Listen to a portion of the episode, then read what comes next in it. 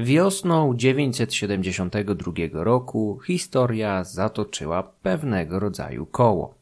Tak jak 27 lat wcześniej gwałtowna śmierć Igora, tak teraz podobny zgon Światosława zatrzęsły posadami gmachu budowanego od pokoleń przez kolejnych Rurykowiczów. Igor osierocił małoletniego Światosława, a ten poszedł teraz w ślady ojca, pozostawiając panowanie w rękach trzech synów. Jaropełk, Olek i Włodzimierz byli prawdopodobnie nastolatkami w momencie śmierci swojego ojca. Świadczyłoby o tym kilka przesłanek. Przede wszystkim każdy z nich sprawował już choćby symboliczną władzę w najważniejszych grodach państwa Światosława. Prędko też po śmierci ojca przeszli do wzajemnych walk. Tak czy inaczej, nie znamy daty urodzenia żadnego z nich. Możemy jedynie przypuszczać, że przyszli na świat w drugiej połowie lat 50., bądź najpóźniej w pierwszej połowie lat 60. X wieku. Z pewnością najstarszy był Jaropełk, który też został wielkim księciem kijowskim, podczas gdy młodsi bracia zostali książętami. Olek u Drewlan, Włodzimierz zaś w Nowogrodzie. Jaropełk jest kolejnym członkiem dynastii obdarzonym słowiańskim imieniem, co było przejawem odchodzenia od normańskich tradycji. Imię Jaropełk znaczy tyle co gniewny oddział bądź krzepki zastęp. Nie znamy jego matki. Drugi w kolejności z synów Światosława jest najbardziej tajemniczym z całej trójki, co jest związane z jego prędką śmiercią, o której wkrótce opowiem. Nosił skandynawskie imię Helge, które mocno wpisywało się w tradycję dynastii, a latopisy pamiętają go pod słowiańskim odpowiednikiem Oleg. Jednak to najmłodszemu synowi wielkiego Światosława była pisana prawdziwa wielkość i sława, jakie ominął jego starszych braci. Gdy chłopcy zostali osieroceni przez ojca, żaden z nich nie mógł spodziewać się, że to właśnie Włodzimierz zajdzie najdalej. Był bowiem nie tylko najmłodszy, był także bękartem. Pierwotne imię przyszłego wielkiego księcia jest dyskusyjne, ale dominuje wersja, jakoby nazywał się Waldimar. Jest to o tyle problematyczne, że imię Włodzimierz, Waldemar można wywodzić zarówno z języka słowiańskiego jak nordyckiego. W średniowiecznych sagach skandynawskich wielki książę pojawia się jako Waldemarus, chociaż nie jest to argument przesądzający.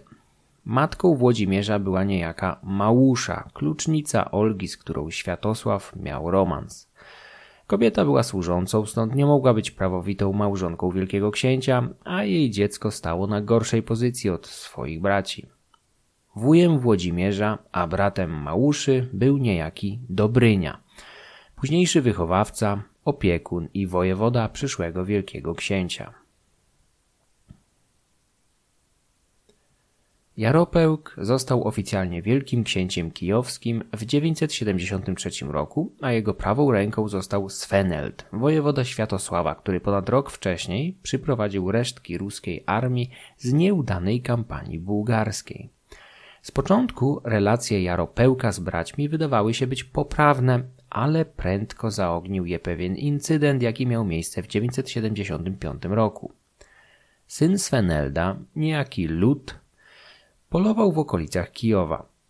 W pogoni za zwierzyną zapędził się jednak na ziemię Olega, w puszcze okalające jego stolicę, Owrócz, 150 km na północny zachód od Kijowa. W tym samym czasie książę Drewlan również polował w tej samej okolicy.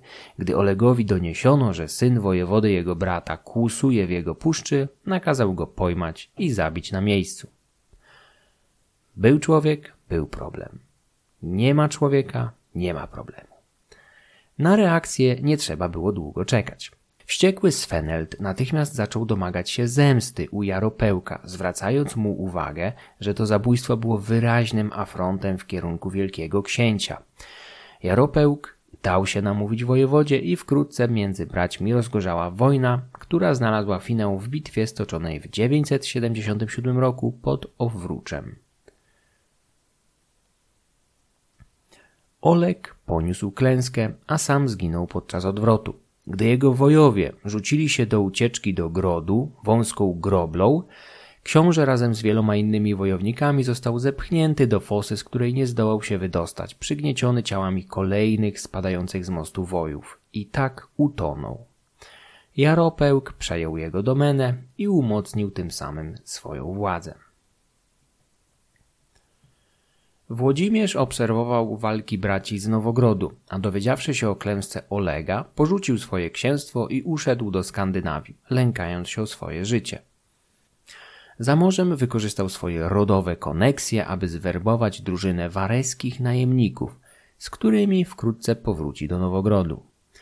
Ucieczka do Skandynawii jest znamiennym epizodem, który powtórzy wiele lat później syn Włodzimierza Jarosław podczas kolejnej bratobójczej wojny. Włodzimierz nie mógł liczyć na wystarczające wsparcie lokalnych mieszkańców Nowogrodu, a nawet gdyby mógł, to i tak nie mogli się oni równać drużynie Jaropełka. Jaropełk tymczasem umacniał władzę w Kijowie. Ożenił się z jakąś greczynką, będącą wcześniej podobną mniszką. Kobieta znalazła się w Kijowie ze względu na wyjątkową urodę, prawdopodobnie jako branka Światosława. Jaropełk zdawał sobie sprawę, że Włodzimierz powróci na Ruś i będzie stanowił poważne zagrożenie dla jego władzy, stąd zaczął szukać poparcia na dworach europejskich monarchów.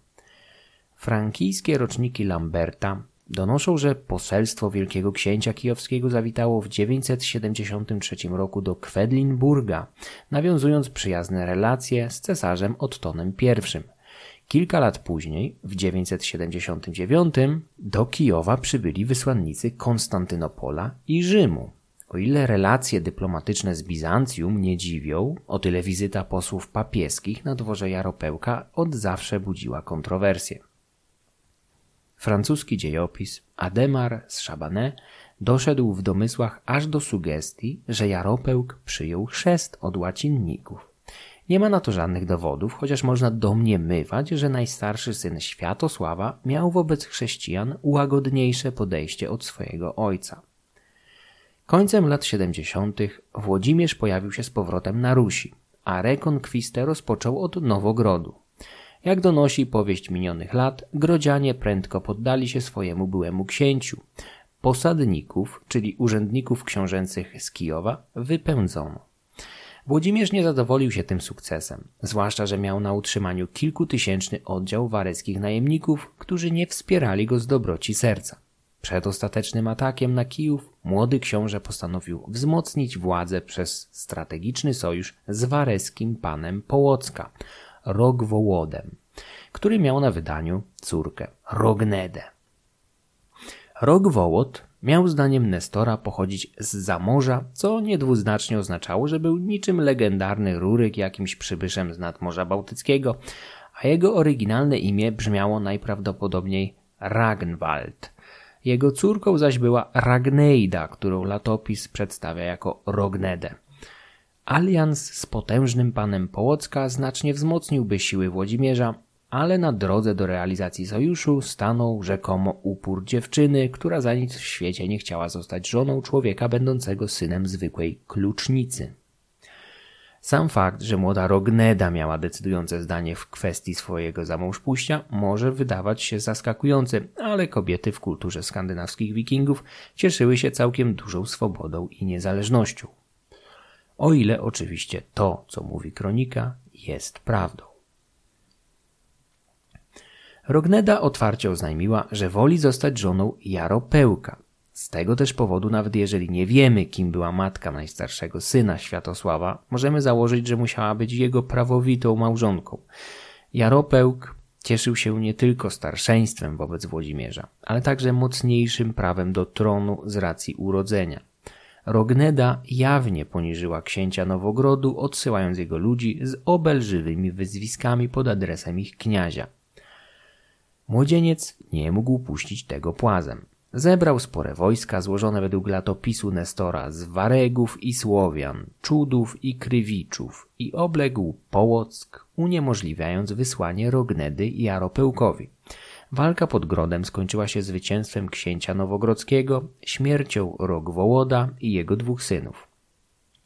Na koniec Rogneda, wbrew swojej pierwotnej woli, musiała zostać żoną Włodzimierza. Tę lakoniczną wersję poznajemy dzięki Nestorowi. Istnieje jednak bogatsza w drastyczniejsze szczegóły wersja przekazana przez latopis Ławręcki. Rogwołod władał ziemią połocką i dzierżył ją i rządził nią, a Włodzimierz znajdował się w Nowogrodzie, jeszcze małoletnim i poganinem i miał stryja Dobrynię, wojewodę, męża chrobrego i zapobiegliwego. I on posłał do Rogwołoda, prosząc córkę jego za Włodzimierza. On rzekł do córki swojej, chcesz li za Włodzimierza? Ona rzekła, nie chcę zzuwać butów synowi niewolnicy, lecz chcę jaropełka. Usłyszawszy taką odpowiedź, Włodzimierz rozgniewał się za syna niewolnicy i pożalił się do Bryni i wpadł w gniew.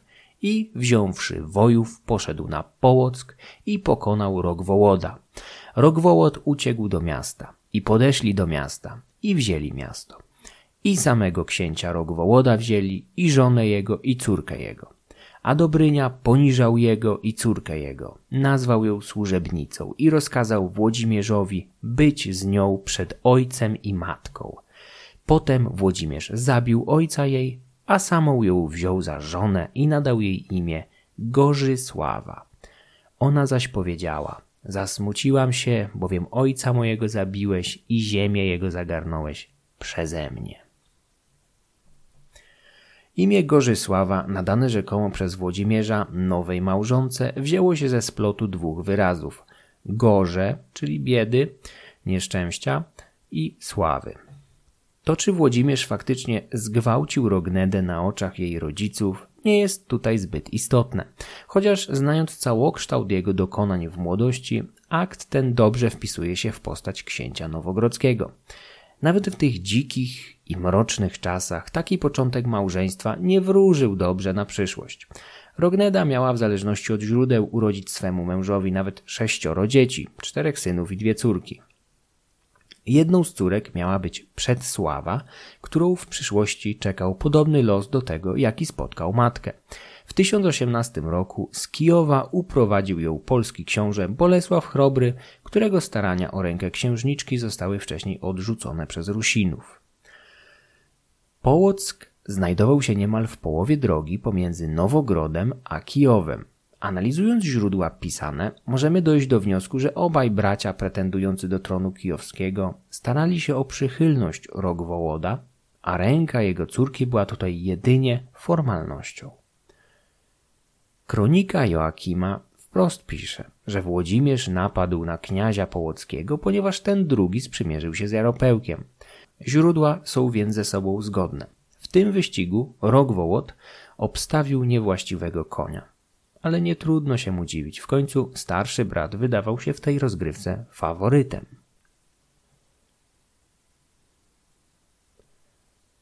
Zdobycie Połocka miało miejsce między 977 a 978 rokiem. Po umocnieniu się w Grodzie Włodzimierz ruszył na południe, by stoczyć ostateczną walkę z Jaropełkiem. Starszy brat nie był w stanie sprostać Włodzimierzowi w polu, więc po nieudanych zmaganiach skrył się w Kijowie, ufny w bezpieczeństwo, jakie miały mu dać wały. Jaropełk nie cieszył się jednak zbyt dużą popularnością mieszkańców, nie mógł również liczyć na najbliższych pomocników. Jego wojewoda, Błód, prędko nawiązał tajemne rozmowy z Włodzimierzem, który obiecał mu zachowanie wysokiego stanowiska w zamian za pomoc w usunięciu z drogi Jaropełka. Błód przekonał swojego księcia, że w Kijowie grozi mu niebezpieczeństwo ze strony mieszkańców, rzekomo coraz bardziej przychylnych młodszemu Włodzimierzowi. Jaropełk, ufając w radę Błuda, wymknął się ze stolicy do położonego na południe od Kijowa grodu Rodni, gdzie zamknął się razem z wierną drużyną. Waregowie księcia Nowogrodzkiego otoczyli Rodnie, odcinając zaopatrzenie grodzianom. Po jakimś czasie obrońcom skończyły się zapasy, a nie mogli spodziewać się żadnej pomocy, stąd pojawił się pomysł nawiązania rozmów pokojowych. Wojewoda Błód miał przekonywać Jaropełka do zawarcia rozejmu z Włodzimierzem, jednocześnie informując tego drugiego o trudnym położeniu swojego księcia. Jaropełk, złamany beznadziejnością swojej sytuacji, udał się do Włodzimierza, chcąc złożyć bezwarunkową kapitulację. Liczył na wspaniałą myślność młodszego brata, ale rachuby go zawiodły. Niektórzy z jego drużynników doradzali mu ucieczkę na południe i szukanie pomocy u pieczyngów, ale Jaropełk odrzucił podobne pomysły. Przybył do Włodzimierza licząc na rozejm, ale gdy tylko przestąpił próg domostwa, w którym przebywać miał książę Nowogrodzki, idący za nim Błód, zamknął za nim drzwi. Do wielkiego księcia doskoczyło dwóch waregów. Napastnicy z zaskoczenia wbili dwa miecze pod pachy Jaropełka, unosząc go aż do góry. Prawowity następca Światosława zginął na miejscu. Niektórzy członkowie jego drużyny nigdy nie pogodzili się ze śmiercią swojego pana i korzystając z okazji wymknęli się na południe, do Pieczyngów, razem z którymi niejednokrotnie napadali w przyszłości na domeny Włodzimierza. Był rok 980. Najmłodszy syn Światosława zasiadł na stolcu kijowskim, jednocząc sporą część ziem ruskich. Oprócz Kijowa z pewnością rządził także w Nowogrodzie i Połocku. Jego domeny ciągnęły się więc od Zatoki Fińskiej aż do środkowego biegu Dniepru, zamieszkanego przez słowiańskie plemię Polan. Bezwzględność, zdecydowanie i spryt wykazane dotychczas przez Włodzimierza pozwoliły mu przetrwać i zagarnąć tron, do którego najprawdopodobniej miał niezbyt mocne prawa. Nestor donosi, że po zdobyciu Kijowa Włodzimierz stanął przed poważnym problemem, jakim byli jego warescy najemnicy. Po zdobyciu miasta przybyli oni do wielkiego księcia, oznajmiając mu, że to dzięki nim zdobył to miasto, więc należy im się dań w wysokości dwóch grzywien od każdego mieszkańca. Naturalnie Włodzimierz nie dysponował tak znacznymi środkami, ale zdołał wybrnąć jakoś z trudnej sytuacji. Poprosił Waregów o miesiąc zwłoki potrzebny mu na zebranie tak znacznego okupu. W międzyczasie zdołał jakoś wzmocnić własne siły i wynegocjować oddzielne układy z poszczególnymi wodzami najemników, którzy byli godni zaufania. Nieposiadający dorosłych synów władca odpłacił znaczniejszym najemnikom posadami w najważniejszych grodach. Gdy po miesiącu pozostali najemnicy przyszli po umówiony okup, Włodzimierz odmówił im. Prawdopodobnie zdołał w ciągu miesiąca tak zmienić sytuację na swoją korzyść, że Skandynawowie nie zdecydowali się wystąpić przeciwko byłemu pracodawcy. Obie strony uzgodniły, że ich drogi muszą się rozejść. Najemnicy wsiedli na łodzie i za radą księcia popłynęli w kierunku Konstantynopola. Nestor uważa, że Włodzimierz wysłał przed nimi posłańca nad Bosfor, aby ostrzec ówczesnego cesarza Bazylego II przed nadciągającymi awanturnikami. Wielki książę zasugerował młodemu cesarzowi, który był prawdopodobnie jego rówieśnikiem, aby nie wpuszczał nadciągających waregów do miasta, ponieważ z pewnością narobią mu samych szkód. Bazylii II jest szalenie interesującą postacią i niejednokrotnie jeszcze pojawi się w tej opowieści. Gdy Włodzimierz zdobywał Kijów z rąk brata, ten najwybitniejszy od czasów Justyniana bizantyjski cesarz miał 22 lata i dopiero zaczynał umacniać swą władzę. Odziedziczył tron po Janie Cimiskesie, tym samym, który zdeptał bałkańskie miraże Światosława, potwierdzał Dorostolon nad Dunajem. Bazylii będzie rządził imperium przez pół wieku i wyniesie je z powrotem do szczytu potęgi. Już za kilka lat stanie się również szwagrem i ojcem chrzestnym Włodzimierza. Sprawne rozwiązanie problemu wareskich najemników było jednym z pierwszych sukcesów nowego władcy. Nie wszystko jednak, co uczynił, zapisało się pozytywnie w pamięci potomnych. Wielki książę tuż po śmierci swojego brata pojął jego żonę, grecką mniszkę, z którą wkrótce doczekał się potomstwa. Po latach Nestor będzie gorzko karcił Włodzimierza za pozamałżeńskie współżycie z kobietą, która nie tylko była niegdyś mniszką, ale do tego była przecież jego bratową. Ze związku z tą Greczynką urodził się Światopełk, który zapisze się w historii Rusi jak najgorszą sławą. Ojcostwo chłopca przypisywano co prawda Włodzimierzowi, ale ponieważ urodził się niecały rok po śmierci Jaropełka, niektórzy, a czasami nawet i sam zainteresowany, przypisywali faktyczne ojcostwo pierwszemu mężowi nieznanej z imienia Greczynki. Nestor kwituje narodziny Światopełka krótko. Z zatrutego korzenia bywa zły płód. Chłopiec nigdy nie wkradł się w łaski Włodzimierza, który szczerze go nie znosił. Stosunki łączące Włodzimierza z kobietami obrosły legendami już za jego życia. Po śmierci historie te dodatkowo przybrały heroiczne wręcz rozmiary. Wielki książę miał mieć rzekomo 800 konkubin. 300 w Wyszegrodzie, 300 w Białogrodzie i 200 w Berestowie. Lubował się w mężatkach, często również gwałcił dziewice. Według Nestora w lubieżności ścigał się z samym Salomonem.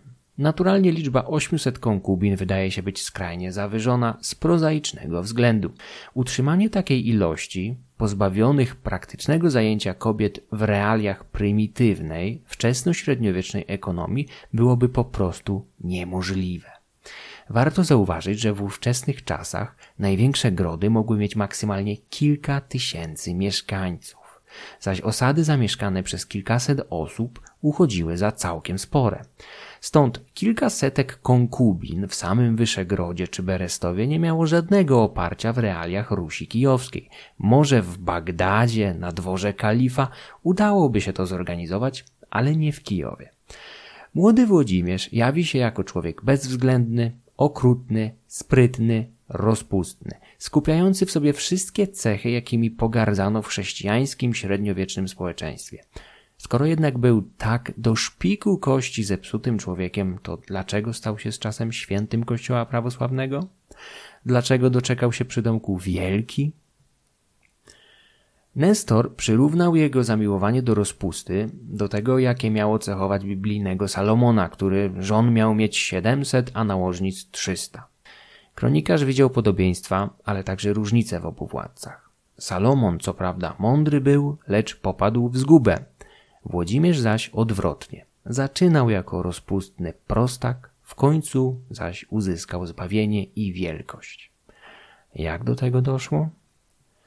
Przede wszystkim Włodzimierz prędko okazał się kimś przerastającym nie tylko swojego słynnego ojca, ale wszystkich poprzedników. Po zdobyciu władzy w Kijowie w 980 roku Włodzimierz skupił się nie tylko na wymuszaniu dani, grabieniu sąsiednich plemion i marzeniu o udanym rajdzie rabunkowym na przedmieścia Konstantynopola. Włodzimierz postanowił skonsolidować swoje państwo, stanowiące dotychczas zlepek plemion trzymanych w ryzach jedynie groźbą najazdu bądź wabikiem w postaci udziału w łupach z wspólnych wypraw. Kniaź prędko dostrzegł, że Kijów jest otoczony przez otwarte przestrzenie, umożliwiające wrogom, szczególnie stepowym koczownikom z południa, błyskawiczne podejście pod mury miasta. Jako chłopiec był świadkiem takiego zajścia w 969 roku, gdy Światosław bawił na kolejnej ekspedycji na dalekich Bałkanach, a pieczęgowie z Nienacka spadli na Kijów, w którym przebywała wówczas matka oraz trzech synów wielkiego księcia. Co prawda wtedy udało się zapobiec tragedii, gdyż gród utrzymał się aż do przyjścia odsieczy, ale ciągle istniało zagrożenie. Włodzimierz zlecił wzniesienie nowych grodów w okolicach stolicy tak, aby w razie najazdu to one zatrzymały napastników, dając czas centrum na zorganizowanie poważniejszej obrony. Książę zdawał sobie sprawę, że plemion wchodzących w skład jego domen nie łączą praktycznie żadne silniejsze więzi, stąd prawdopodobnie zrodziła się w jego głowie myśl o wprowadzeniu państwowego kultu łączącego kilka głównych ruskich bóstw. Nestor donosi, że w 980 roku Włodzimierz postawił na wzgórzu teremnym bałwany, peruna drewnianego, głowa jego srebrna, a wąs złoty, i Horsa, dać Boga, Strzyboga, Simargła i Mokosz. Składano im żertwy, mianując ich bogami. Przywożono syny swoje i córy na żertwy piesom. Słowianom, jak i Skandynawom zdarzało się składać ofiary, zwane tutaj żertwami, z ludzi, ale były to przypadki incydentalne, stąd zgorszenie Nestora wydaje się być mocno przesadzone. Nie zmienia to jednak faktu, że Włodzimierz stworzył coś, co można określić pogańskim panteonem, którego najważniejszą postacią miał być złotowąsy Perun. Od setek lat uczeni łamią sobie głowy nad charakterem poszczególnych bóstw, czasami wręcz odrzucając wszystkie poza Perunem jako dopisane przez późniejszych kopistów. Ja jednak przyjmę, że faktycznie w 980 roku w sercu Kijowa pod gołym niebem powstał pogański panteon. Dlaczego wybrano akurat te bóstwa? Co chciał przez to osiągnąć Włodzimierz? Najrozsądniejsze wytłumaczenie działań wielkiego księcia znalazłem u polskiego mediewisty Jerzego Dowiata. Zasugerował on, że Włodzimierz postanowił skonsolidować swoje rozległe i dość efemeryczne państwo, ustanawiając państwowy kult skupiający najważniejsze lokalne bóstwa. Średniowieczni Słowianie, szczególnie na Rusi, Połabiu i Pomorzu, byli posądzani o politeizm przechodzący w henoteizm. To znaczy, uznawali wiele bóstw i demonów, ale najczęściej wybierali jedno z całego grona, które stawało się najważniejszym, symbolicznym bóstwem ich plemienia bądź osady. Włodzimierz mógł więc zebrać taką gromadkę i ustanowić oficjalny kult sześciu bóstw, nad którymi, co prawda, dominował stołeczny Perun. W ten sposób, co prawda, ważniejsze plemiona uznawały wyższość jednego boga, ale mogły czuć się docenione poprzez wybranie ich lokalnych bogów do stołecznego panteonu. Kult Peruna był najprawdopodobniej wprowadzany na prowincji odgórnie, o czym świadczy wzmianka o Dobryni, który został wysłany do Nowogrodu, aby postawić tam posąg tego boga, prawdopodobnie niezbyt popularnego na północnych rubieżach Rusi. Reforma religijna Włodzimierza nie była jednak zbyt trwała. Jeśli wierzyć Nestorowi, już po kilku latach władca zaczął szukać alternatywy dla panteonu skupionego wokół Peruna. Dlaczego książę postanowił zrezygnować z rodzimych bogów? Próba skonsolidowania odrębnych plemion poprzez wspólne oddawanie czci bogom każdego z nich zawiodła, gdyż takiej religii brakowało wystarczającej organizacji. Nie było świętych ksiąg, wspólnych zasad, świątyń i przede wszystkim kasty kapłańskiej. Wbrew popularnym mitom nie dysponujemy niemal żadnymi dowodami na istnienie na Rusi zorganizowanej klasy kapłanów, poza dość enigmatycznymi wołchwami, pełniącymi raczej funkcje wróżbitów i czarodziejów. W relacji Ibn Rostecha pojawia się wzmianka o tajemniczych pogańskich lekarzach pełniących w Kijowie za czasów Włodzimierza funkcje kultowe, w tym składaniu ofiar ze zwierząt i ludzi, ale jest to odosobniony przypadek. Kult w każdym regionie, plemieniu, czy nawet mniejszym ośrodku miejskim bądź wiosce funkcjonował niezależnie. Taki radosny, niezorganizowany chaos nie pomagał w konsolidacji państwa Rurykowiczów. Zorganizowany kult przypominający chrześcijaństwo, islam czy judaizm nie pojawił się na Słowiańszczyźnie, chociaż dość blisko osiągnięcia tego byli Słowianie połapscy, którzy pomiędzy X a XII wiekiem faktycznie dorobili się w niektórych ośrodkach, szczególnie w Radogoszczy i Arkonie, odrębnej klasy kapłanów i zorganizowanego kultu wykraczającego poza lokalne ośrodki. Włodzimierz po kilku latach mógł uświadomić sobie, że pogański panteon nie spełnia pokładanych w nim nadziei na wewnętrzną konsolidację oraz zjednoczenie państwa. Do tego, zdaniem Henryka Łowmiańskiego, politeizm był bezużyteczny, gdy chodziło także o zyski w polityce zewnętrznej. Większość liczących się sąsiadów Rusi na zachodzie, południu i wschodzie zdążyła przyjąć religie monoteistyczne. Chrześcijaństwo, islam bądź judaizm w przypadku Hazarów. W oczach wyznawców tych religii poganie byli czymś na kształt niższej kategorii ludzi, co utrudniało zawieranie mariaży bądź sojuszy. Mając na uwadze powyższe przyczyny, Włodzimierz podjął więc decyzję o zmianie dominującej religii. W tym celu zaczął badać systemy wierzeń panujące w sąsiednich państwach. Do Wielkiego Księcia przybyć mieli przedstawiciele czterech konkurencyjnych systemów wierzeń, oferujący nawrócenie w swoim obrządku.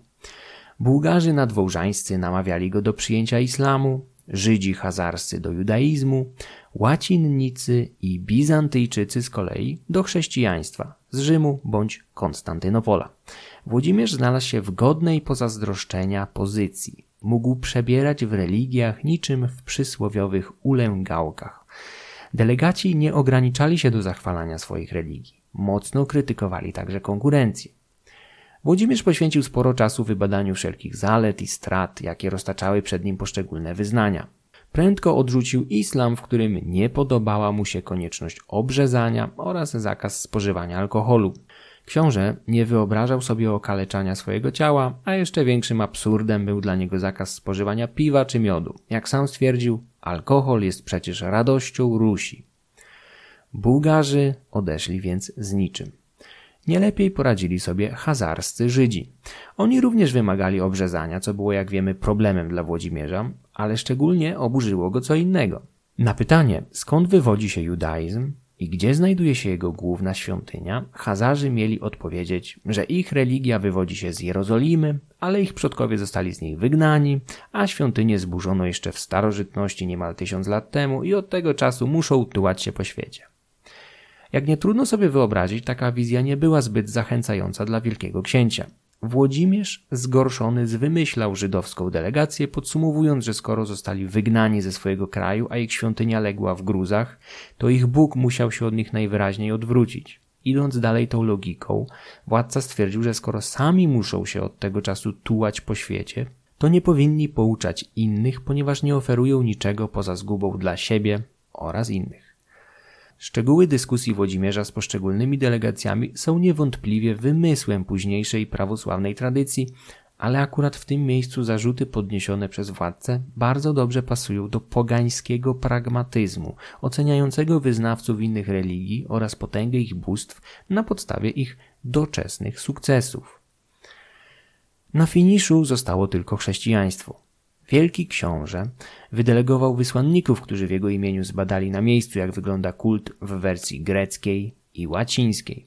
Prawdopodobnie odwiedzili Konstantynopol i dwór władcy wschodnich Franków, którym w drugiej połowie lat 80. był małoletni Otton III. Według Nestora delegaci doznali oszołomienia podczas nabożeństw Konstantynopolu, co nie jest niczym zaskakującym, jeśli wziąć pod uwagę, że mogli wziąć udział w praktykach w Kościele Mądrości Bożej, Aja Sofia. Bizantyjska świątynia, będąca wówczas największą budowlą na kontynencie, musiała oszołomić ruskich delegatów. Grecy słynęli z wyszukanego ceremoniału, który niejednokrotnie był praktykowany w celu oszołomienia zagranicznych gości. Bardzo możliwe, że i w tym wypadku nie szczędzili środków, aby wywrzeć wrażenie na ruskiej delegacji. Historia o czterech religiach i delegacjach z pewnością jest zbytnio ukoloryzowana, ale dobrze prezentuje możliwości manewru i pozycję Włodzimierza. Nie był zmuszony do przyjęcia nowej religii z powodu zagrożenia zewnętrznego, pod mieczem. Mógł swobodnie rozważyć wszystkie za i przeciw. Wydaje się, że chrześcijaństwo łacińskie oraz judaizm były jako pierwsze na straconej pozycji. Do łacinników było po prostu zbyt daleko, więc przyjęcie ich obrządku nie wiązałoby się z realnym wsparciem w postaci wystarczającej liczby kapłanów, a mariaże z dalekimi Frankami nie byłyby istotnym wzmocnieniem władzy Rurykowiczów. Judaizm reprezentowali z kolei tylko Hazarowie, którzy jak wiemy zostali dotkliwie pobici przez Światosława i obecnie ich państwo znajdowało się w najlepszym wypadku w stanie agonalnym, bezpowrotnie straciło status mocarstwa. Islam był interesującym rozwiązaniem. Stała za nim potęga kalifatu, do tego przyjęcie tego wyznania pozwalałoby ruskim kupcom handlować z krajami arabskimi bez konieczności płacenia wysokich ceł dla innowierców. Muzułmanie nie handlowali na terenie kalifatu z poganami, więc ruscy kupcy, jak wiemy z zachowanych relacji arabskich kronikarzy, podawali się za chrześcijan bądź innych monoteistów. Arabowie często ze zgorszeniem wspominali, że na rynkach Bagdadu można było spotkać Rusów, którzy dzisiaj byli muzułmanami, a jeszcze wczoraj podawali się za chrześcijan. W czasach Włodzimierza wpływ świata islamu na wschodnią Europę, objawiający się w napływie arabskiego srebra, wyraźnie osłabł. W X wieku na znaczeniu traci Wołga, dotychczas pełniąca rolę najważniejszej arterii handlowej w tej części świata. Wzmacnia się zaś przepływ towarów w dorzeczu Dniepru. Archeolodzy już w XX stuleciu zauważyli gwałtowny przyrost ilości arabskich diremów i innych monet z południa w dorzeczu Dniepru właśnie w tym stuleciu. Jest to jeden z istotnych argumentów podważających popularne niegdyś poglądy antynormanistów, którzy za wszelką cenę pragnęli udowodnić, że w okolicach Kijowa istniało potężne słowiańskie państwo już w VII czy VIII wieku. Skoro tak było, to dlaczego mało kto chciał z nim handlować? Końcem X wieku ilość arabskich diremów w Europie Wschodniej zaczęła się wyraźnie zmniejszać, co w ogóle było związane z perturbacjami politycznymi w świecie muzułmańskim, który niegdyś zjednoczony w ramach jednego potężnego kalifatu wreszcie wszedł w fazę rozbicia politycznego i niekończących się wojen. Dawne arabskie próby podboju terenów na północ od Kaukazu rozbijały się o państwo Hazarów, zaś w czasach Włodzimierza, nawet bez stojących na straży Hazarów, nie istniało już muzułmańskie zagrożenie z południa. Bułgarzy nadwążańscy byli jedynym znaczącym muzułmańskim państwem w regionie, ale po najeździe Światosława i stopniowym spadku znaczenia handlu Wołgą, wywołanym po części tym najazdem, oni sami również mogli jedynie z nostalgią wspominać czasy dawnej świetności. Gdy Hazarowie zaczęli ustępować pola pieczyngom, podróże kupców tą rzeką, strzeżoną dotychczas przez Hazarów, stały się niebezpieczniejsze, a co za tym idzie, coraz rzadsze. Podsumowując, w czasach Włodzimierza Ruś nie miała żadnego interesu w przyjmowaniu islamu, co miałoby sens jeszcze pokolenie wcześniej.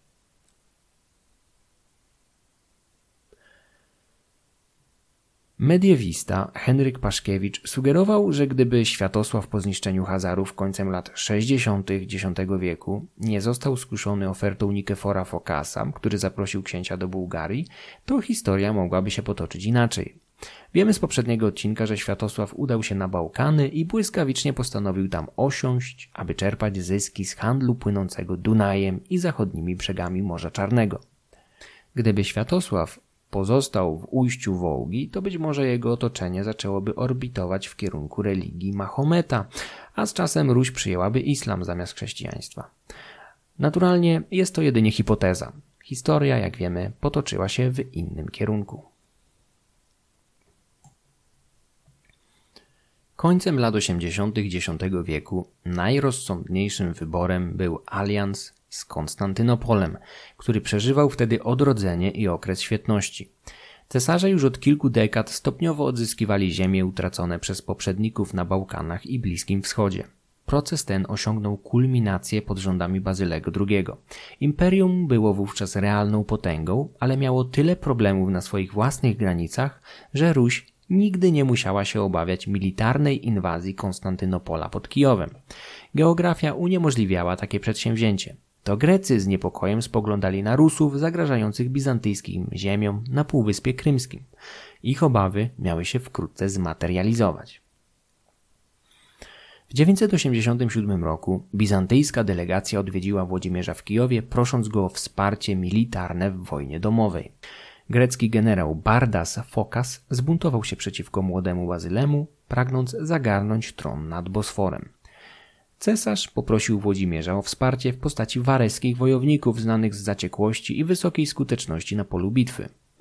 Bazylii oferował Włodzimierzowi sojusz i rękę swojej siostry Anny w zamian za niezbędną pomoc wojskową i chrzest. Gdyby Włodzimierz był Światosławem, to zapewne wyśmiałby taką propozycję i zażądał wszystkich ziem na Bałkanach. Ale na szczęście dla swojego kraju nowy wielki książę myślał długofalowo. Bizantyjczycy z zasady nie wydawali księżniczek porfirogenetek, czyli zrodzonych w purpurze, za mąż za granicę. Zdarzały się oczywiście wyjątki, ale były to dokładnie wyjątki.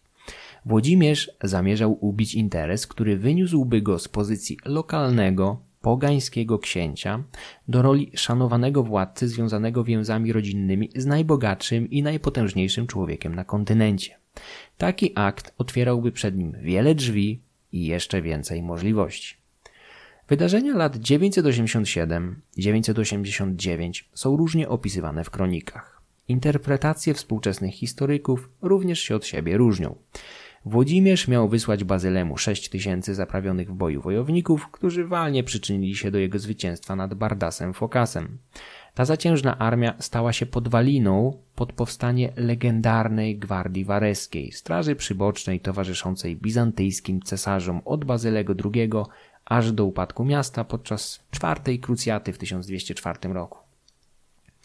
Cesarze chętnie otaczali się waregami nie tylko ze względu na ich umiejętności bojowe. Gwardziści ci byli kompletnie zależni od władcy i mało podatni na przekupstwa oraz intrygi polityczne.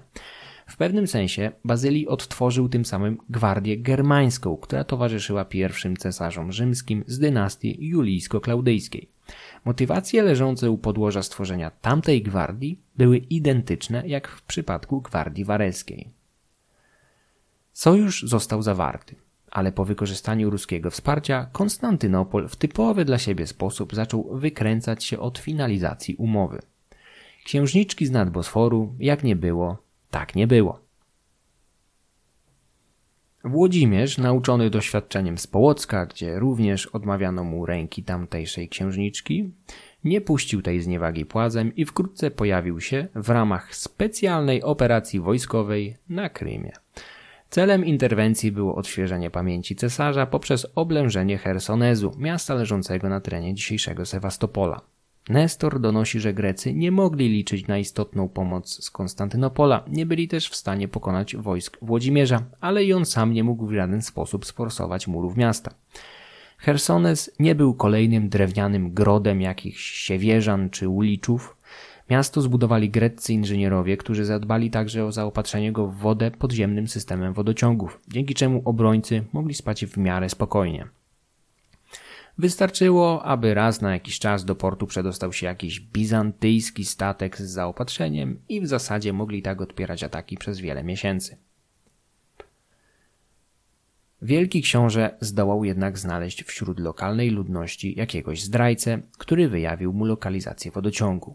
Rusowie odkopali go i przecięli zaopatrzenie w wodę, co prędko skłoniło mieszkańców do negocjacji pokojowych.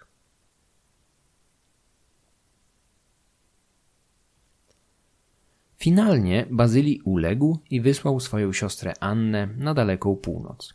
Nestor donosi, że młoda kobieta opuszczała Konstantynopol załamana, jakby szła na śmierć albo coś gorszego. W końcu miała opuścić miasto będące największą metropolią ówczesnej Europy na korzyść odległego Kijowa leżącego gdzieś pośród północnych lasów, zamieszkanego przez pogan, znanych z okrucieństwa i barbarzyńskich praktyk. Według jednej z tradycji Włodzimierz przyjął chrzest jeszcze w Hersonezie, po czym poślubił siostrę Bazylego. W tym miejscu muszę jednak zaznaczyć, że ta wersja wydarzeń, choć jest najpopularniejsza, nie jest jedyna. Istnieją głosy mówiące, że Bazylii nie zdradził układu z Włodzimierzem, a atak tego drugiego na Hersones wiązał się właśnie z buntem tego miasta. Mieszkańcy Hersonezu mieli opowiedzieć się za Bardasem Fokasem, a wielki książę pomógł Bazylemu stłumić rebelię. W tej wersji Anna przybywa do Rusi po upadku zbuntowanego miasta. Zgodnie z planem witana przez Włodzimierza na Dnieprowych progach, być może tych samych, na których kilkanaście lat temu Pieczyngowie zabili jego ojca. Jak wyglądał w szczegółach chrzest księcia, a potem jego mariaż z Anną, nie dowiemy się już nigdy. Znamy jednak efekt całego przedsięwzięcia. Była nim ostateczna chrystianizacja Rusi Kijowskiej. Na chrzcie Włodzimierz przyjął imię swojego ojca chrzestnego, cesarza Bazylego II. W Europie Wschodniej imię Bazylii przyjmuje często formę Wasyl, stąd możemy się spotkać z obiema wersjami nowego chrzestnego imienia Włodzimierza.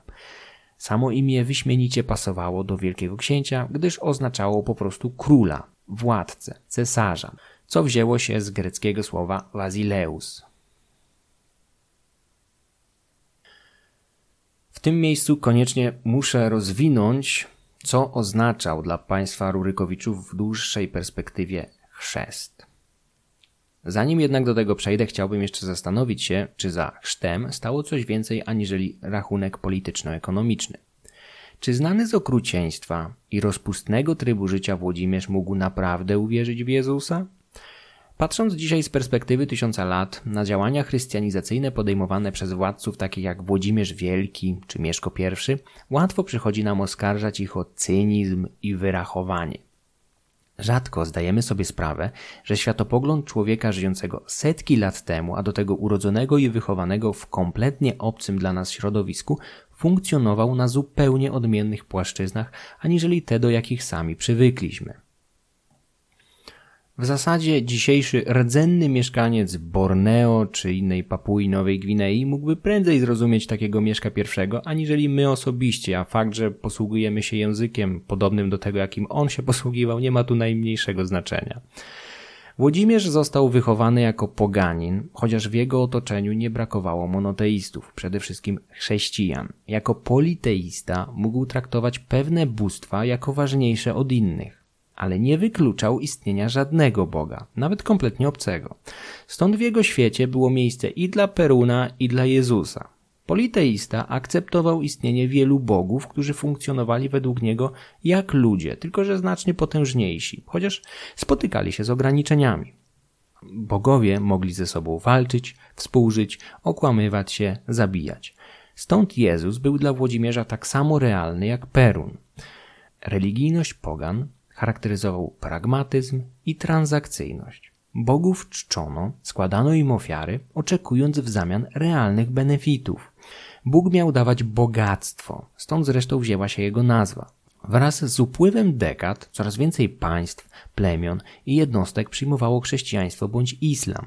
Najbogatsi i najpotężniejsi władcy X wieku byli monoteistami. Samo to było dla bogobojnego politeisty sygnałem, że może tamci bogowie są silniejsi od jego rodzimych. Pomimo tego nie wszyscy poganie od razu rzucali się do zmiany religii, bowiem w kulcie politeistycznym występowało coś, co można roboczo nazwać regionalizacją kultu. Mianowicie, politeista z Kijowa mógł spokojnie uznawać Jezusa czy Allaha za bardzo potężne i wartościowe bóstwo, ale mógł sobie zadawać pytanie: czy Jezus aby na pewno będzie mu przychylny? Czy nie jest to Bóg sprzyjający jedynie Grekom bądź Rzymianom? Może lepiej zostać przy naszych lokalnych bogach, którzy być może nieco ustępują potęgom Bogu Konstantynopola, ale przynajmniej wiemy na pewno, że sprzyjają naszemu plemieniu od pokoleń. Te i inne pytania realnie spędzały sens powiek potencjalnych konwertytów. Dlatego Włodzimierz, decydując się na chrzest, wcale nie podchodził do tego aktu, jak my do wyboru nowego samochodu w salonie. Była to dla niego bardzo ważna decyzja i wcale nie musiał jej napędzać cynizm i wyrachowanie.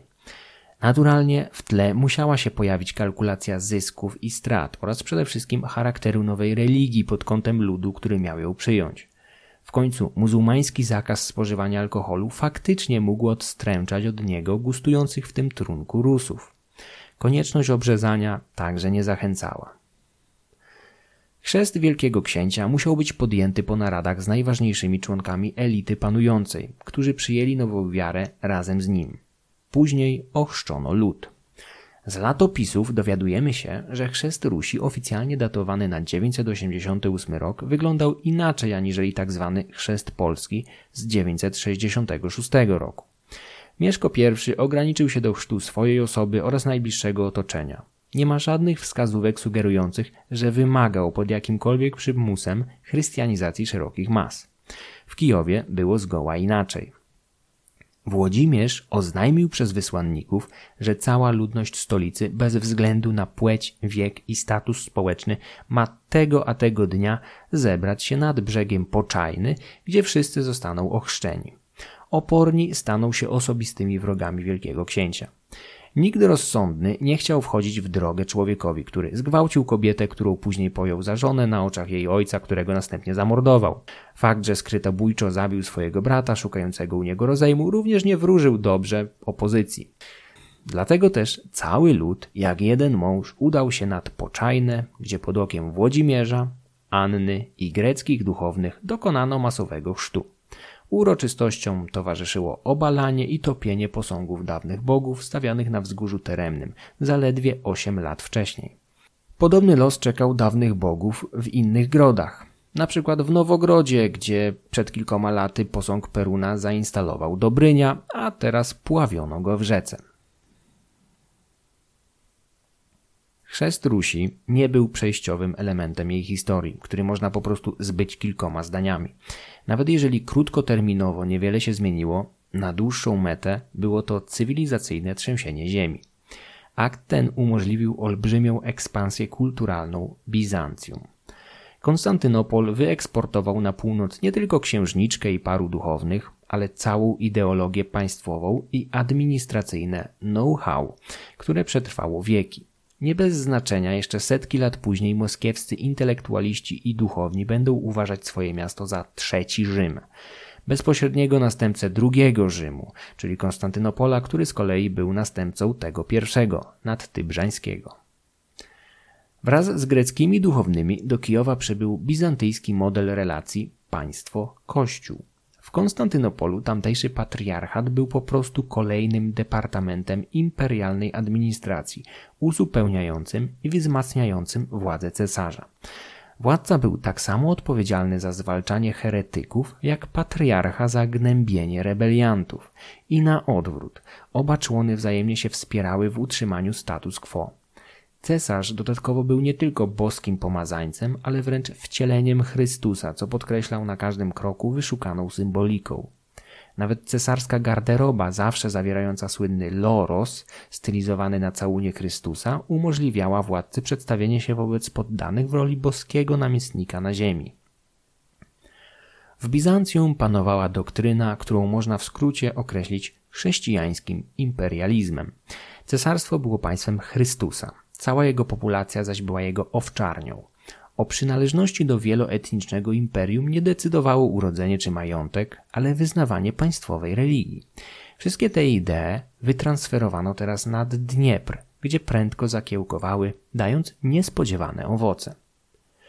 Przede wszystkim w późniejszych kronikach obok Włodzimierza i jego babki Olgi pojawiają się tytuły naczelników, czyli założycieli Rusi. Naturalnie nikt nie będzie podważał dzieła legendarnego Ruryka czy jego bezpośrednich następców jak Oleg, Igor, ale Włodzimierz i Olga jako pierwsi chrześcijanie założą nową chrześcijańską Ruś. W X i XI wieku termin Ruś, dotychczas kojarzony jedynie z wąskim terytorium wokół siedzib wareskich możnowładców z dynastii Rurykowiczów, przyjmie drugie znaczenie, które przetrwa setki lat. Od tego czasu Ruś będzie terminem oznaczającym zasięg chrześcijaństwa w obrządku prawosławnym, dzięki czemu Nowa Ruś będzie przekraczać granice etniczne i polityczne. Gdy po śmierci Jarosława Mądrego w 1054 roku Ruś Kijowska rozpadnie się na kilka księstw dzielnicowych, władza książęca osłabnie, a w jej miejsce wkroczy silniejszy kościół prawosławny. Podobny proces zresztą będzie miał miejsce w Polsce, w której duchowieństwo pod rządami pierwszych piastów stanowiło jedynie warstwę urzędników, zależnych od władcy, który miał decydujący głos w większości spraw. Rozbicie dzielnicowe bardzo osłabiło władzę książęcą, zarówno w Polsce, jak i na Rusi. Bizancjum podaruje Rusi ideę jedynowładztwa, niepodzielności najwyższej władzy, która zrobi zawrotną karierę na wschodzie Europy. Specyficzna relacja pomiędzy książętami ruskimi a prawosławnym duchowieństwem przetrwa setki lat, a jej echa widzimy nawet dzisiaj. Wystarczy włączyć telewizor i obserwować stosunek patriarchy moskiewskiego Cyryla wobec militarnych poczynań prezydenta Federacji Rosyjskiej Władimira Putina. Jest to odległe, ale ciągle widoczne echo relacji pomiędzy patriarchami Konstantynopola i cesarzami z nadbosforu. Cyryl wspiera swojego cara w jego przedsięwzięciach wojskowych, jak bardzo chybione by one nie były, a car odwdzięcza się opieką nad państwowym, prawosławnym kościołem, zwalczając zagrażające mu wyznania, herezje oraz konkurencyjne prądy ideologiczne, nieważne czy będzie to kościół katolicki czy gender. W dawnych pracach historyków carskich i radzieckich a obecnie także rosyjskich, często umniejszało się wpływ Normanów, Bizancjum, a czasami także Kościoła prawosławnego na ukształtowanie się Rusi. Historycy sowieccy chcieli udowodnić za wszelką cenę, że Ruś powstała samoistnie, stworzona siłami lokalnej słowiańskiej ludności przy minimalnym wpływie zewnętrznym. Zaakceptowanie kluczowej roli przybyszów ze Skandynawii, szczególnie tuż po zwycięskiej wojnie z III Rzeszą, było nie do przyjęcia. Podobnie rzecz miała się z Bizancjum, które jakby nie patrzeć było jakimś czynnikiem zewnętrznym, a Kościół prawosławny był w czasach sowieckich w głębokiej defensywie, stając się czymś pomiędzy oblężonym skansenem a kolejnym departamentem KGB. To, o czym mówię, jest istotne, ponieważ mamy dzisiaj prawdziwy wysyp wszelkich słowiańskich patriotów, zwanych czasem złośliwie turbosłowianami, pragnących obalić rzekome kłamstwa i odkryć skrywaną, zakłamaną historię dawnej słowiańszczyzny, która tak naprawdę jest niczym innym jak zlepkiem dawno obalonych radzieckich i panslawistycznych teorii pisanych na zamówienie polityczne, najczęściej prosto z Moskwy. Wielkość Włodzimierza nie wzięła się jedynie z racji przyjęcia przezeń chrztu. Wielki książę był również bardzo zdolnym dowódcą, osławionym licznymi udanymi wyprawami wojennymi. W 981 roku ruszył na zachód, wdając się w konflikt z Lachami bądź Lędzianami utożsamianymi z młodym państwem Mieszka I. Wyprawa miała być sukcesem Rusi, która zajęła rejon tzw. Tak Grodów Czerwieńskich, rozciągający się na pograniczu dzisiejszej Polski i Ukrainy. Włodzimierz zajął ważne grody Przemyśl, Wołyń, Czerwień i kilka innych, a dla zabezpieczenia zdobyczy założył miasto nazwane od jego imienia Włodzimierzem na wschodnim brzegu rzeki Bóg. Miasto ulokowano dość asekuracyjnie na lewym brzegu Bugu na terenie dzisiejszej Ukrainy, zdając sobie prawdopodobnie sprawę, że prędzej czy później Polacy będą starali się odzyskać utracone ziemie, a wtedy łatwiej będzie bronić grodów zaburzańskich. Próba odtworzenia dokładnego zasięgu zdobyczy Włodzimierza z 981 roku jest równie beznadziejna jak usiłowania wyznaczenia dokładnych granic ówczesnych państw, szczególnie w tej części Europy. Warto tutaj dodać, że źródła pisane są tak enigmatyczne, że do dzisiaj pojawiają się głosy, że Włodzimierz nie musiał wchodzić w bezpośredni konflikt z samym Mieszkiem, gdyż Lędzianie czy Lachowie zamieszkujący Grody Czerwieńskie mogli być od niego niezależni bądź podlegać państwu czeskich przemyślidów. Naturalnie tego typu głosy należą do mniejszości i dominująca wersja wydarzeń wskazuje na konflikt polsko-ruski w 981 roku.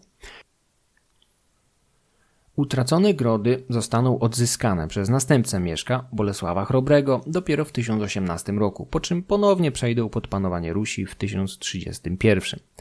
W ogóle daje się zauważyć, że zarówno Włodzimierz i jego następcy, jak i po drugiej stronie Polacy wzajemnie czyhali na jakiś okres bez królewia, wojen wewnętrznych czy zwykłego chaosu wywołanego po zgonie władcy sąsiedniego kraju.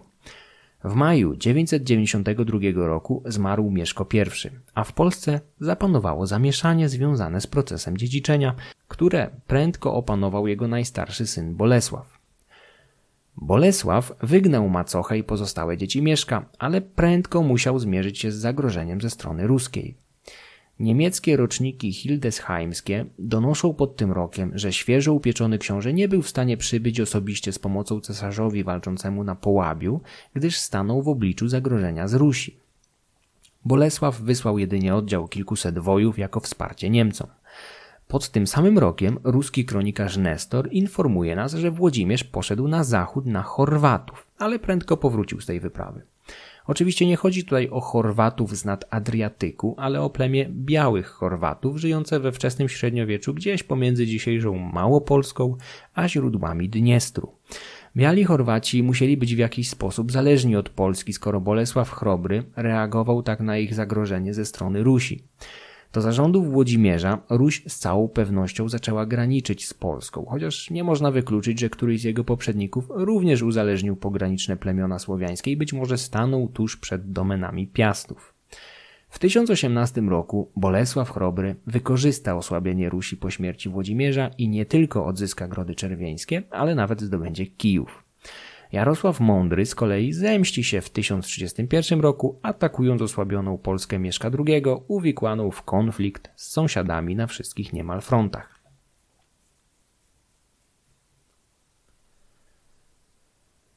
Konflikty z Polską były dla Włodzimierza jedynie marginalnymi inicjatywami. Zdecydowanie więcej czasu wojował z innymi sąsiadami. Jeszcze w 981 roku wielki książę pokonał i obciążył danią Wiatyczów, a zaledwie rok później musiał pacyfikować wywołane przez nich powstanie. W 983 roku ruszył na północny zachód, pokonując bałtyjskich jadźwingów mieszkających na terenach dzisiejszej Litwy, gdzieś pomiędzy Narwią a Niemnem. Wyprawa ta odbyła się po ustanowieniu pogańskiego panteonu, a przed chrztem Włodzimierza. To też Nestor zapisał w swoim latopisie, że po zwycięstwie nad Bałtami Włodzimierz zarządził odprawienie żertwy dla bogów. Miał istnieć wówczas w Kijowie zwyczaj losowania na ofiarę przypadkowej osoby, chociaż z pewnością istniała jakaś kontrola nad potencjalnymi kandydatami. Kapłani czy też wołchwowie losujący nieszczęśnika będącego ofiarą dla bogów wybrali jakiegoś chrześcijańskiego chłopca, syna pewnego Warega, który przez lata służył w Bizancjum i tam przyjął chrześcijaństwo. Ojciec kategorycznie odmówił poświęcenia życia swojego jedynego syna w ofierze dla drewnianych bałwanów, jak określał bogów Włodzimierza. Losowanie było jednak wiążące, a złamanie decyzji bogów byłoby świętokradztwem. Arabski historyk Ibn Rostech Niezależnie od Nestora opowiadał o takim samym zwyczaju panującym wśród Rusów w tej części świata w X wieku, co czyni wzmiankę mnicha znacznie wiarygodniejszą. Warek miał zabarykadować się w swoim domu razem z synem, a pod jego drzwiami zebrał się agresywny tłum podburzony przez miejscowych wołchwów. Gdy nalegania i groźby nie przyniosły skutku, ludzie podpalili domostwo Warega, który zginął w płomieniach razem z synem. Stali się pierwszymi chrześcijańskimi męczennikami na Rusi. Ich śmierć miała miejsce w roku 983. W 984 Włodzimierz pobił i zmusił do ucieczki Radymiczów. Rok później zaś razem z wojewodą i swoim wujem zarazem Dobrynią najechał Bułgarów nad Wołgą. Gdy po zwycięskiej walce Rusini oglądali pojmanych Bułgarów, Dobrynia miał zauważyć z uznaniem, że wszyscy oni nosili solidne obuwie i jego zdaniem z tej racji, nawet jeżeli dadzą jakąś dań Rusom, to wkrótce i tak przestaną to czynić, gdyż są ludem bogatym i dumnym. Dobrynia przezornie zaproponował swojemu księciu, aby zaprzysiąc pokój z Bułgarami, a następnie poszukać jakiegoś biedniejszego ludu, dosłownie jakichś łapciarzy, których można byłoby obciążyć danią. Określenie łapciarze wzięło się od łapci, czyli najtańszego obuwia wykonywanego z kawałka skóry przewiązanego rzemieniem bądź skory brzozy. Kampaniach Włodzimierza nie było żadnego heroizmu. Gdy mógł, unikał konfliktów z silniejszymi od siebie, a najchętniej napadał na słabszych, którzy musieli znosić obciążenia, nie podnosząc buntu, na który zwyczajnie nie mieli sił.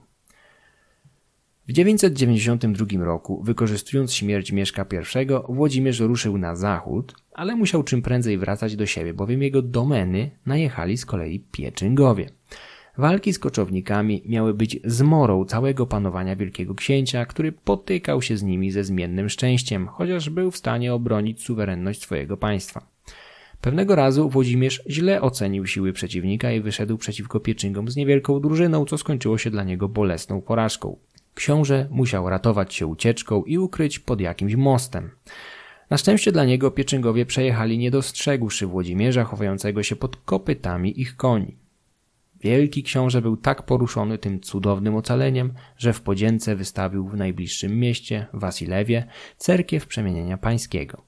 Po wybudowaniu świątyni książę wyprawił olbrzymią ucztę dla bojarów, posadników, starszyzny oraz ludzi i biedoty z okolicznych grodów. Włodzimierz w późnej fazie swoich rządów, już po chrzcie, zaczął być coraz bardziej kojarzony z wspaniałomyślnością i miłosierdziem w stosunku do ubogich. Być może naprawdę uwierzył w chrześcijaństwo. W pewnym momencie kazał nawet zwozić ludzi chromych i kalekich, aby mogli na jego dworze najeść się dosyta. W pamięci poddanych zapisał się jako bezlitosny wróg rozbójników i złodziei czyhających na podróżujących po leśnych szlakach i bezdrożach. To za jego rządów w obiegu pojawiły się pierwsze ruskie monety bite ze złota i srebra. Dbał wreszcie o własną drużynę, a gdy jej członkowie zaczęli narzekać, że u stołu wielkiego księcia jedzą drewnianymi łyżkami, Włodzimierz prędko kazał wymienić zastawę na bogatszą. Jak mawiał, srebrem i złotem nie znajdę drużyny, ale drużyną znajdę srebro i złoto, jakoż dziad mój i ojciec mój znaleźli drużyną złoto i srebro. Książę był człowiekiem rozsądnym i wiedział, że jego panowanie opiera się na grupie wojaków, swego rodzaju siłowników gwarantujących mu nietykalność oraz egzekucję postanowień i danin od podbitych plemion. Konsolidacja państwa ruskiego przyspieszyła wydatnie po chrzcie, ale ciągle był to zlepek tęskniących za niezależnością plemion i ludów. Około roku tysięcznego zmarła pierwsza żona Włodzimierza, Rogneda, z którą miał według różnych źródeł nawet sześcioro dzieci, synów Jarosława, Wsiewołoda, Ścisława, Izjasława oraz dwie córki. Grecka żona odebrana Jaropełkowi dała mu święto Pełka. Bułgarska żona zaś urodziła Borysa i Gleba. Poza tymi trzema kobietami miał mieć jeszcze dwie nieznane z imienia czeskie małżonki. Istnieje przypuszczenie, że jedna z nich miała na imię Malfryda, ale nie ma co do tego pewności. Jedna z Czeszek urodziła mu syna Wyszesława, a druga trzech kolejnych Świętosława, Stanisława i Mścisława. Oficjalnie z tych związków zawartych przed chrztem w 988 roku miał Włodzimierz 12 synów i trzy córki, chociaż istnieją przypuszczenia, że dzieci było więcej, zwłaszcza nieślubnych będących owocem krótkich miłostek. Małżeństwo z księżniczką Anną było, jak wiemy, bezdzietne. Z upływem lat Włodzimierz musiał uświadomić sobie, że największym zagrożeniem dla pomyślności jego państwa będą nie pieczyngowie, a spory pomiędzy jego licznym i rządnym władzy potomstwem. Wielki książę odczuł zagrożenie na własnej skórze, gdy w ostatnich latach swojego życia stanął wobec buntu Jarosława. Najstarszy syn Rognedy został osadzony w Nowogrodzie, gdzie odpowiadał za sprawowanie władzy w imieniu ojca. Młody książę był zobowiązany co roku zbierać 3000 grzywien, a następnie 2 trzecie tej sumy odsyłać do Kijowa. Jarosławowi prędko sprzykrzył się taki układ i od 1014 roku oczekiwane grzywny nie pojawiały się już w stolicy. Włodzimierz wpadł w furię i zaczął szykować się do zbrojnej wyprawy przeciwko krnąbrnemu synowi. Ekspedycję opóźnił nieznacznie najazd pieczyngów, a następnie choroba samego wielkiego księcia. W tym czasie Jarosław poszedł w ślady swojego ojca i zaczął ściągać najemne wareskie drużyny ze Skandynawii. Postępowanie młodego księcia może wydawać się nieuzasadnionym awanturnictwem, ale trzeba mieć na uwadze, że prawdopodobnie kierowało nim rozgoryczenie. Jarosław był przygotowywany do roli następcy jako najstarszy syn pierwszej żony wielkiego księcia, ale pod koniec życia Włodzimierz zaczął darzyć większym uznaniem Borysa i Gleba, dwóch młodszych synów, jakich miała mu według Nestora zrodzić bułgarska żona. Do dzisiaj trwa spór, czy aby na pewno obaj bracia byli dziećmi jednej kobiety i dlaczego Borys był tak faworyzowany przez Włodzimierza.